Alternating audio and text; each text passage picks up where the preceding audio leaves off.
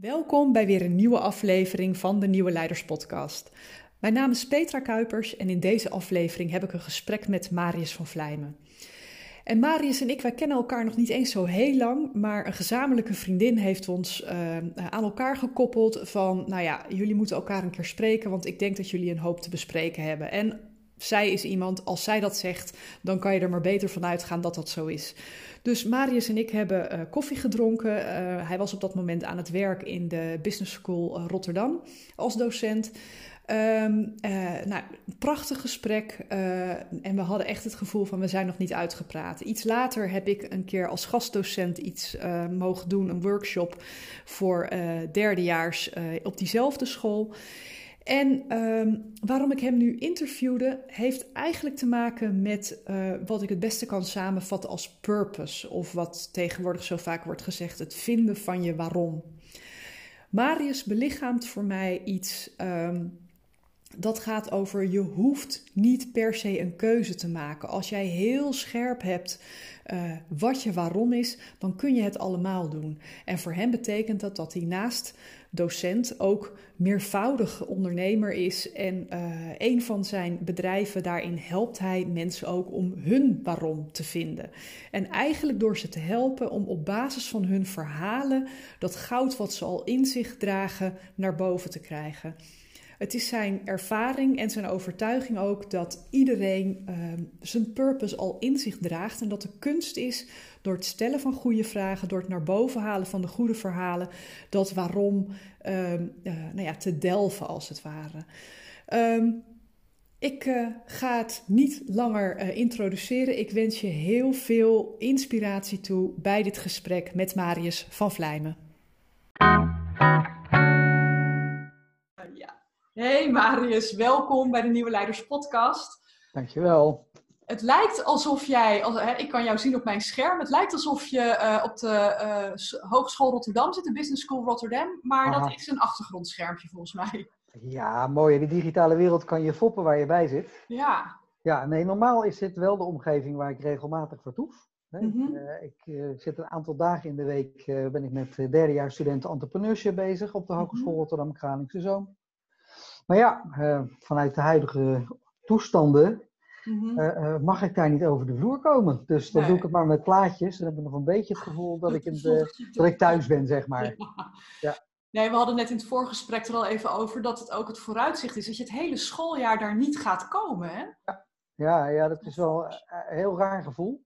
Ja. Uh, we hadden al vrij snel, eigenlijk eind vorig schooljaar in augustus, te horen gekregen dat het tot januari zou zijn. Zeg maar ja. de, de, eerste helft van ons studiejaar. Mm -hmm. Maar het is al vrij snel is dat uh, veranderd in het uh, totale schooljaar. En dat heeft, heeft een paar achtergronden hoor. Het is corona. Ja. Uh, daardoor zijn ook een aantal vestigingen gesloten. Want die kunnen nooit aan die anderhalve meter voldoen. Oké. Okay.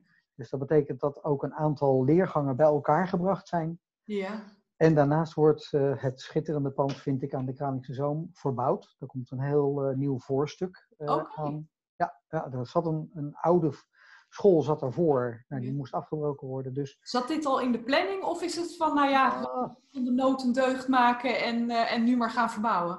Nou, het zat wel in de planning dat er een keer verbouwd zou gaan worden. Ja. Maar ik, ik denk dat de planning aan zich wel een keer op de schop gegaan is en versneld is. Dat denk ik wel. Ja. Wat, wat, wat ik heel, heel grappig vind, hè? ik kreeg jouw mailtje en er staat in jouw handtekening dat je docentrepreneur bent. ja. kan je eens uitleggen wat hij wat doet? Wat is dat voor mens? Wat hij doet? Wat doet hij? Ja, ik, ik, eh, ik, ik ben een mens die op heel veel uh, kurken drijft. Dat, mm -hmm. uh, dat motiveert mij, dat houdt me wakker, dat houdt me scherp. dus ik ben al vanaf 2004 zelfstandig ondernemer. Mm -hmm.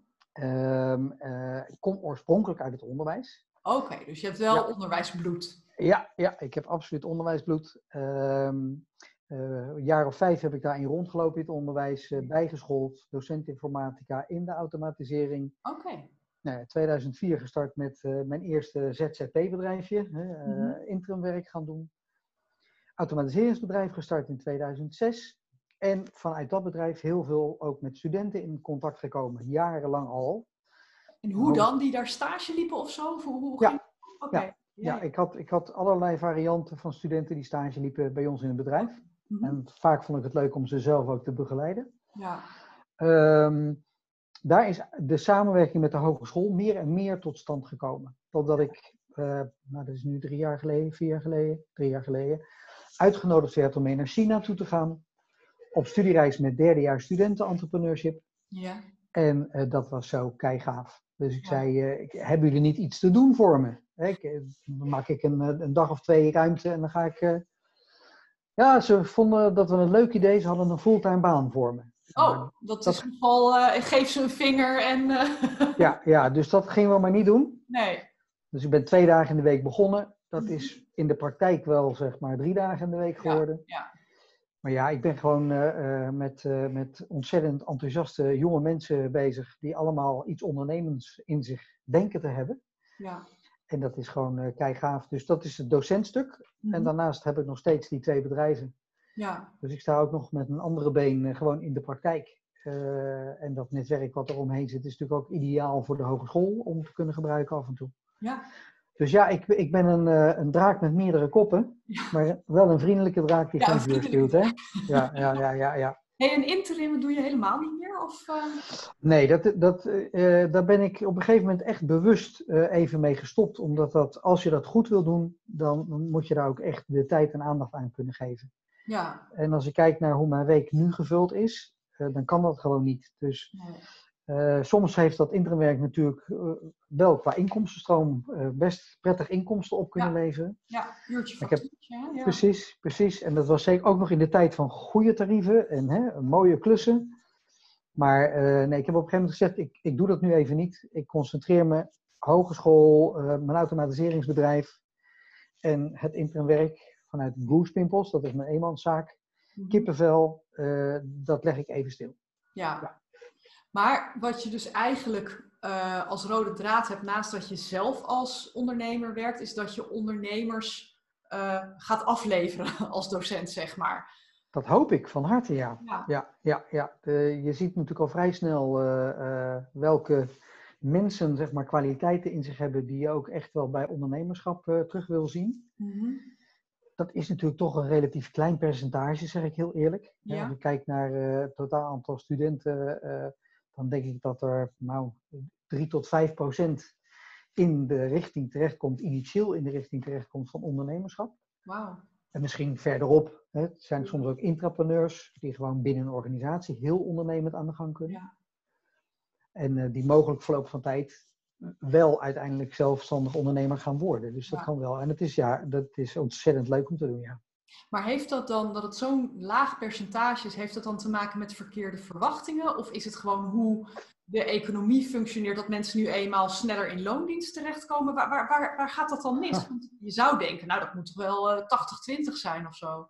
Ja, ik zou bijna zeggen, heb je even, want dat, dat, dat heeft heel veel, heel veel vlakken hebben daar invloed op. Mhm. Eh, heel simpel, de hogeschool moet gewoon bepaalde omzet genereren. Ja. Dus ze moeten gewoon studenten werven. Uh, en uh, voor elke studie moet dat er zoveel mogelijk zijn.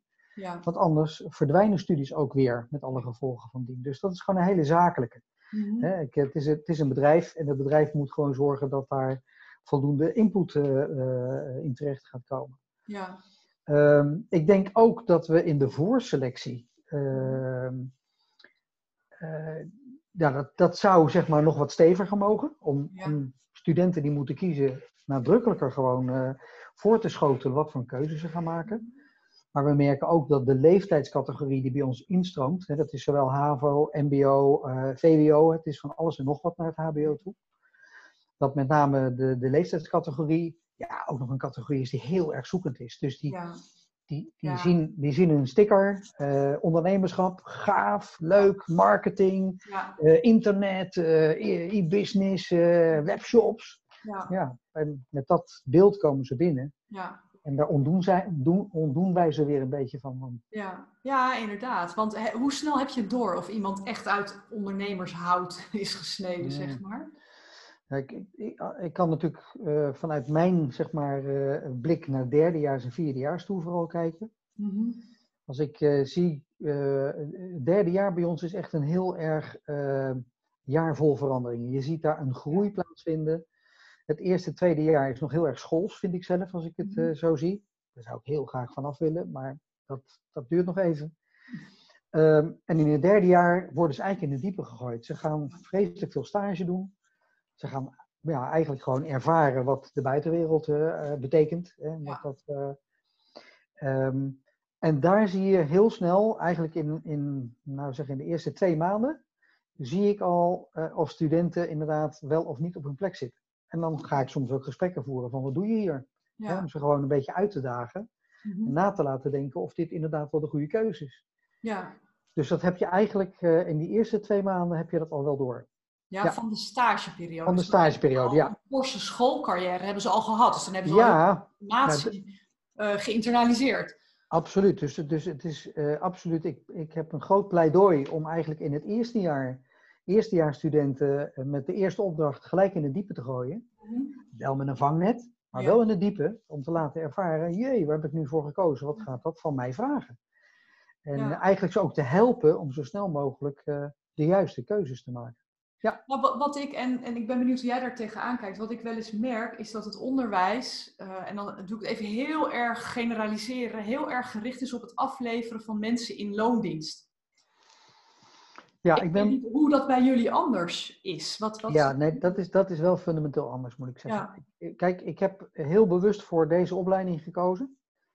En voor Rotterdam. hè, eh, Een echte werkersmentaliteit. Dat is Ja. hoe raar dan ook, maar het is echt zo. Ja, het is echt zo. Ja. Ja, eh, en ik woon zelf in Delft en ben eigenlijk een Hagenees. Dus in die zin, ik kijk echt eh, objectief daarnaar. Ja.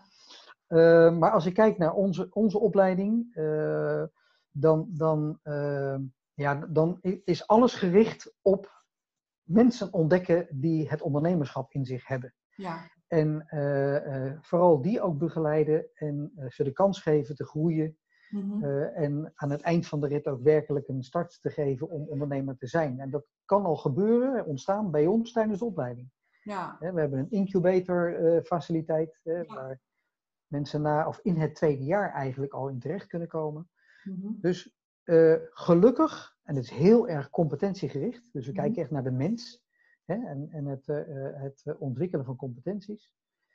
Nee, als ik, als ik kijk naar die rode lijn in de vier jaar opleiding, dan is het einddoel echt ondernemers afleveren. Ja, Ja.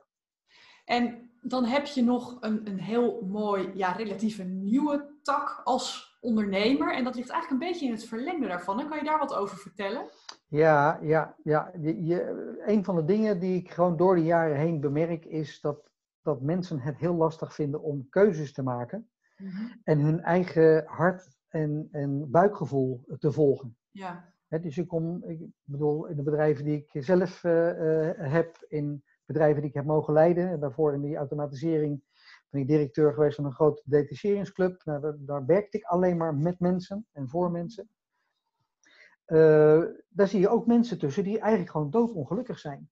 Ja. Eh, maar wel moeten werken om gewoon hun boterham te verdienen. Zoals, eh, zoals jij en ik en iedereen dat heel graag wil doen.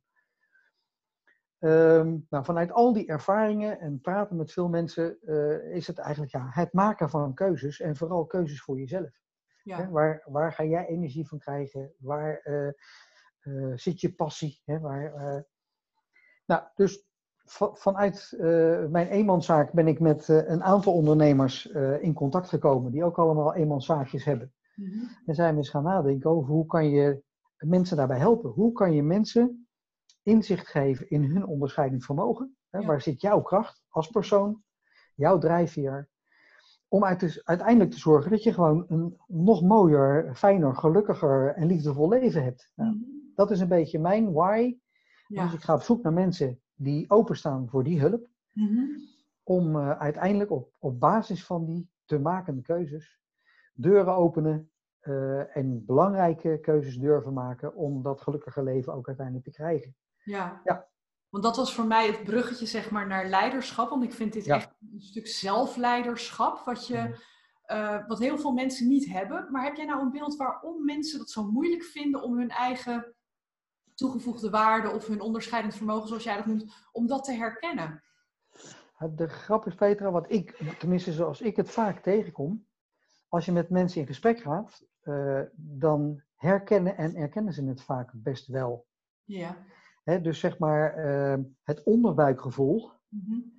dat herkent iedereen in, in verschillende situaties. Dus als je daar naar op zoek gaat, dan kan je daar hele mooie gesprekken over voeren. Ja. En als je dan zegt, hoe pas je het toe in je dagelijks werkend leven, dan mhm. zie je dat het daar heel vaak scheef gaat.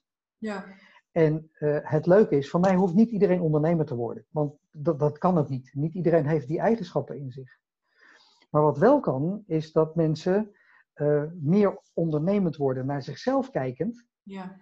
En daardoor gelukkiger kunnen worden. En dat kan ook bij een baas. Als je, als je een bedrijf kiest met mensen om je heen waarvan je het top vindt om daarmee samen te werken. Mhm. En je kan daar een plekje vinden om jouw ding te kunnen doen. En je krijgt daar energie van. Helemaal top. Dus dan moet je kijken hoe je daar naartoe kan werken. Ja, maar dat, dat, dat begint dus, als ik jou goed begrijp, met het stellen van de juiste vragen eigenlijk. Hè? Want dat onderbuikgevoel hebben mensen wel. Maar uh, ja, in, in de dagelijkse drukte, ja, ik kan er niet de hele dag bij, laat ik het zo zeggen. Daar heb ik echt tijd voor nodig. Of ik denk er niet de hele dag over na. Nee. En moet ik me dan voorstellen dat, dat, dat jij en Freek, hè, want je doet dat ook met een partner samen. Ja, Freek Zilvold, ja. Uh, dat jullie dat, dat door middel van vragen doen? Of hoe, hoe, hoe, hoe delf je dat goud bij mensen? Hoe delf je dat goud? Mooi. Nou, Freek en ik zijn, zijn ontzettend fan van uh, Simon Sinek. Ja. Uh, Simon heeft een aantal boeken geschreven, heeft een filosofie of een, een methode. Die noemt hij de Golden Circle. En de kern daarvan is ga op zoek naar je why. Dat kan als individu, dat kan als bedrijf. Mhm. En uh, die heeft een hele mooie methodiek uh, beschreven waarin je dat goud kunt gaan delven. En dat zit eigenlijk in iets heel voor de hand liggends. Mhm.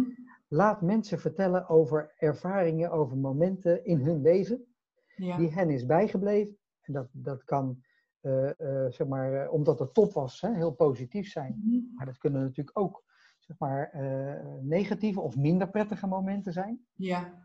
Maar het mooie daarvan is dat in die verhalen zitten altijd uh, uh, gevoelens, feiten besloten, waar, zeker als wij dat soort gesprekken doen, waar wij zeg maar, mee kunnen boetseren. Mhm. En eigenlijk degene die het vertelt kunnen helpen om de why, die al lang in iemand zit, naar buiten te halen. Ja. En het is echt, Peter, het is zo gaaf als je, als je soms individuele begeleiding mag doen. Mhm.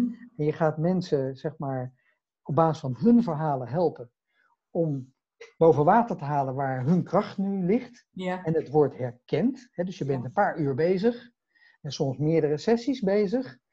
En op een gegeven moment ontstaat er een soort why. Want uh, Simon zegt ook van er moet uiteindelijk een soort zin ontstaan Mhm. Waarin jij kunt vertellen, wat, wat wil je nou? Wat doe je nou eigenlijk? Bijna een pitch die je dan maakt. Bijna een pitch. Ja, een hele korte pitch. Ja. En die pitch die gaat gewoon leven. Die is niet in beton gegoten. Die gaat mhm. leven.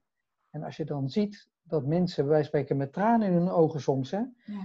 gewoon herkennen wat daar in die pitch zit. En dat doen wij niet. Wij begeleiden het alleen maar. Ja. We halen het eruit. Maar het is het goud wat in mensen zit. Ja. ja. Dat is echt ontzettend leuk om te doen. ja. Zijn mensen niet bang voor wat ze gaan aantreffen? Want je kan natuurlijk tot de conclusie komen dat je helemaal verkeerd zit. Dat kan nogal wat betekenen. Hele goede vraag. Dat is echt, dat is echt de spijker op zijn kop. Uh, daar zit ook soms wel weerstand natuurlijk bij mensen. Die eigenlijk vooraf al voelen van ja, moet ik nou verhalen uit mijn verleden uh, op gaan graven. Terwijl ik eigenlijk er misschien een dekseltje op gedaan heb en er helemaal niet meer naar wil kijken. Ja, ja weet je, het, het is een proces waarin gevoel mhm. centraal staat. Het gaat allemaal om gevoel. Ja. Uh, dus dat, dat kan van uh, vreselijk schaterlachen en heel veel plezier hebben met elkaar, tot inderdaad uh, grote emoties leiden, mm. omdat mensen iets ontdekken, ook bij het naar boven halen van dat soort verhalen. Ja. wat overigens ook heel machtig en heel krachtig kan zijn, maar wel beangstigend, zeker weten. Ja. ja, en het punt is, op het moment dat het eruit is, dan is de geest ook echt uit de fles. Dan moet je er iets mee. je kan het niet meer onweten.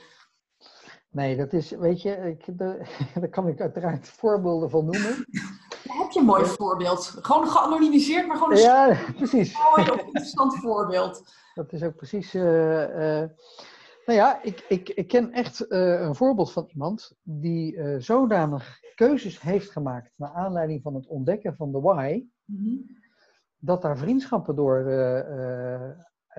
verbroken zijn. Ja dat daar uh, een relatie door verbroken is. Wauw. dat, dat zijn de heftige. Ik, ik, heb ook voorbeelden waar de relatie veel sterker geworden is. Omdat er meer inzicht ontstaan is.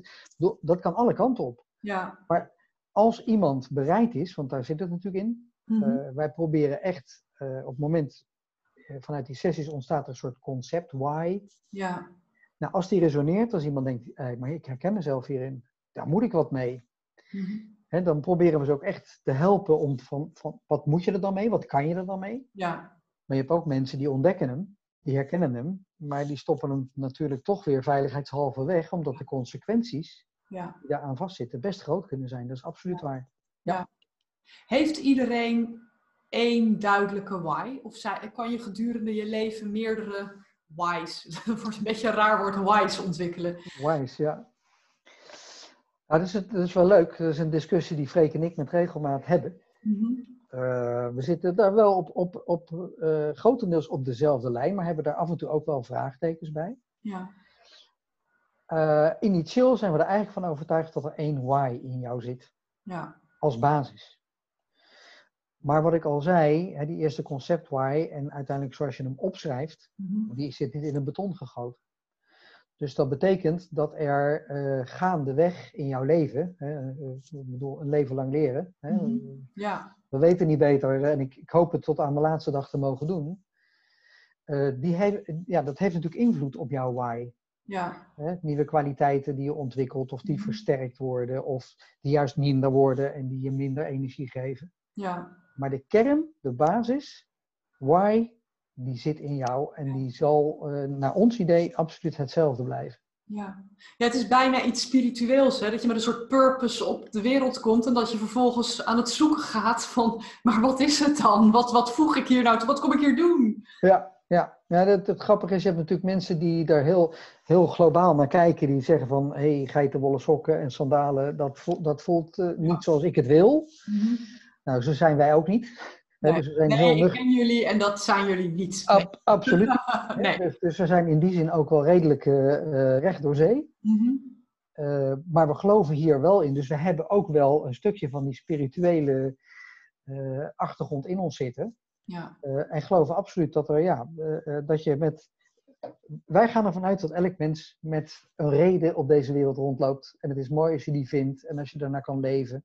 Mhm. En dat je eh, uiteindelijk eh, dat geluk kunt vinden wat, je, wat iedereen zoekt in zijn leven. ja. Ja, dus dat. Vind je, het ook, vind je het ook jouw opdracht als docent om jouw, leer, jouw, leer, jouw studenten daarmee te helpen? En heb je daar de tijd voor? ja, nee, absoluut. Eh, het grappige is, als je eenmaal je why hebt gedefinieerd, Mhm. dan ga je daarna nadenken over je how en je what. Ja. Hè, langs welke wegen ga je dingen doen en wat is dan concreet zeg maar, het product wat je daarin gaat, gaat presenteren. Ehm, studenten, eh, en met name studenten entrepreneurship, die passen perfect in mijn why. Want ik wil namelijk mensen helpen om hun onderscheidend naar eh, vermogen naar boven te halen. Ja. En daar de juiste keuzes te maken en te groeien als, als mens of ondernemer. Eh, dus dat past perfect. Ik ben ook, ik zit zelf ook echt, sinds dat ik hier heel intensief mee bezig ben, in een proces dat ik zelf ook keuzes maak. En dat ik dingen afbouw. En dat ik zeg, dat doe ik niet meer. Omdat het niet past binnen mijn why. Dat is eigenlijk mijn eerste eikpunt als ik iets op mijn pad krijg of een vraag. Dat ik kijk van, is dit iets wat binnen mijn why past? Ja. En als daar het antwoord nee op is, Mhm. dan zeg ik ook per definitie nee, dat ga ik En is het dan voor jou een rationeel antwoord? Of voel je in je onderbuik of, of waar dan ook van hoe voelt het? Hoe, hoe werkt dat bij jou? Dat, dat voelen begint, dat is het eerste. Dus je krijgt een vraag en het eerste is, word ik er enthousiast van? Denk van, ah, gaaf. Ja, Of ga je gelijk na zitten denken, oh, kan, ik, eh, kan ik er wat mee verdienen? Eh, Wat kan ik er dan mee verdienen? Oh. Als je in die koers zit, dan weet je al, hé, dat is eigenlijk niet Nee. de drijfveer. Want kan, kan, je geld, kan geld ooit je why zijn? Gewoon Nee. heel rijk worden? nee, Nee, oké. nee, nee, nee. Eh, waar ik van overtuigd ben is, als jij eh, leeft volgens je why, dan trek jij vanzelf mensen aan en omgevingen aan en kansen aan, dat dat geld ook vanzelf gaat komen. Ja. En Maar dat, geld aan zich is geen drijfveer voor wie of wat dan ook. Nee. nooit.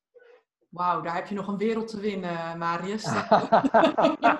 ik ben bang dat heel veel mensen dan van de koude kermis thuiskomen. Ja, ja gelukkig weet ik uh, zeg maar, uh, in de wereld heel veel voorbeelden van mensen die dit hebben durven doen. En, en die echt uh, zeg maar, een heel, in alle opzichten een heel rijk leven hebben. Ja. Dus het is soms ook echt gewoon durven. Ja, durven. ja dat is het. Ja. Maar ik denk dat, dat, dat die vorm van zelfleiderschap, dat daar heel veel lef bij komt kijken. Ja, absoluut.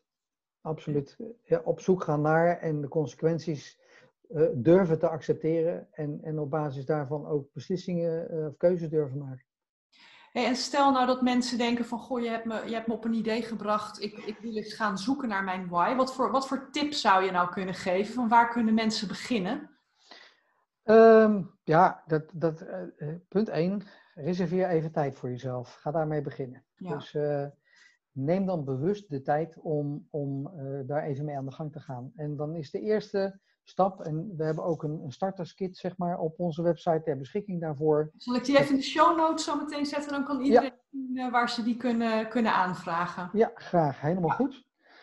Uh, daar geven we een beetje zeg maar, die eerste aanzet ook aan. Uh, maar we hebben ook een schemaatje, een, een lifeline uh, die je kunt gebruiken, waarin je je eigen verhalen.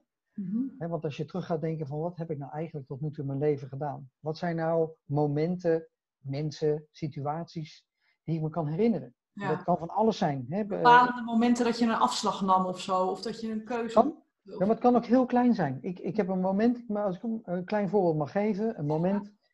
Uh, ik was een jaar of zes en ik mocht bij een vriendje logeren. En uh, ik kan me nog heel goed herinneren, we gingen op de zolder spelen. Daar hing een zwart krijtbord, wat we toen nog allemaal hadden. Hè? Want, uh, iets anders bestond er nog niet. Niet digitaal, nee. Nee, wat was dat? Dat kennen we helemaal nog niet in die tijd.